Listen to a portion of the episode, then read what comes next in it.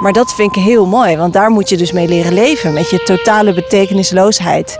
En de verantwoordelijkheid van jouw unieke blik, die nooit meer terug zal komen. En die alleen maar nu bestaat, als jij bestaat. Maar dat vind ik heel mooi, want daar moet je dus mee leren leven. Met je totale betekenisloosheid. En de verantwoordelijkheid van jouw unieke blik, die nooit meer terug zal komen. En die alleen maar nu bestaat, als jij bestaat. Mijn pedagogische opdracht is dat, dat ik wil dat er geen kind wordt buitengesloten. En ik wil er alles aan doen wat in mijn vermogen ligt om ervoor te zorgen dat dat dus ook zo min mogelijk of niet gebeurt. Nou ja, we zitten in een, in een maatschappelijke constellatie waarbij de druk op kinderen om te presteren en om nog sneller vooruit te gaan en nog hoger opgeleid te worden heel groot is.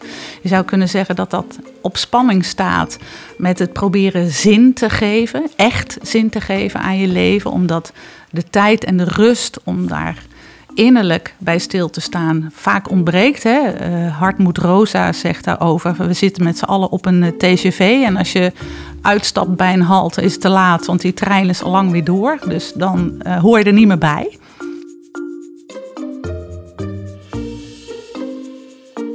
Het is echt al jaren. De Nederlandse onderwijsinspectie komt eigenlijk steeds tot dezelfde conclusie. De onderwijsprestaties dalen en de kansenongelijkheid wordt steeds groter. Het lerarentekort blijft toenemen. Het aantal leraren dat overspannen raakt blijft toenemen. En vooral ook het aantal leerlingen dat thuis zit groeit enorm. En eh, volgens de OESO, de Organisatie Economische Samenwerking en Ontwikkeling, is ook nog eens een keer de werksfeer in de klasse nergens zo lamlendig als in Nederland. En we hebben momenteel te maken met het grootste leraren- en directeurentekort uit de geschiedenis van ons onderwijs. Ik voelde mij vrij als jonge leraar, 23, 24 jaar, om tegen een inspecteur te zeggen als hij voor begrijpend lezen kwam, dat hij naar de keuken moest gaan. En als de koekjes gelukt waren, dat ze dan waarschijnlijk goed konden begrijpend lezen. Wij zijn het enige land wat op die jonge leeftijd selecteren en dan nog, nog met behulp van een toets waar we grenzeloos vertrouwen in hebben. Een voorwaardelijke bureaucratie die niet verbonden is met de intentie van het onderwijskundige doel. Eigenlijk kun je zeggen dat het in ons onderwijs, in ons Nederlandse onderwijs, het niet lukt om onze leerlingen op te leiden. En het lukt de overheid niet om het onderwijs te faciliteren om elk kind gelijke en voldoende kansen te geven. Vanaf de maan gezien zijn we allemaal even groot, schreef Multatulio in 1860 in het boek Max Havelaar.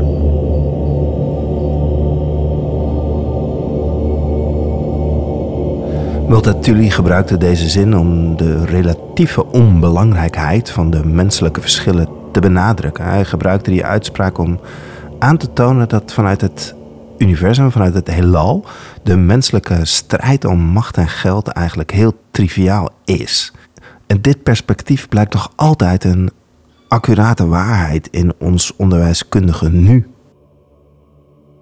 Als je heel erg gaat relativeren, want in mijn boek zoom ik dus enorm uit. Vanuit de ruimte kijk ik dan naar de aarde.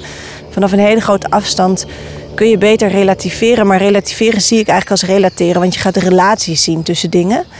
Die je moeilijker ziet als je steeds maar op menselijke ooghoogte blijft kijken.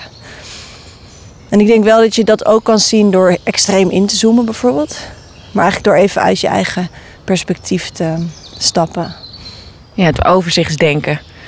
Zou een leerkracht, zou die ook kunnen leren om meer overzichtsdenken toe te passen in de praktijk?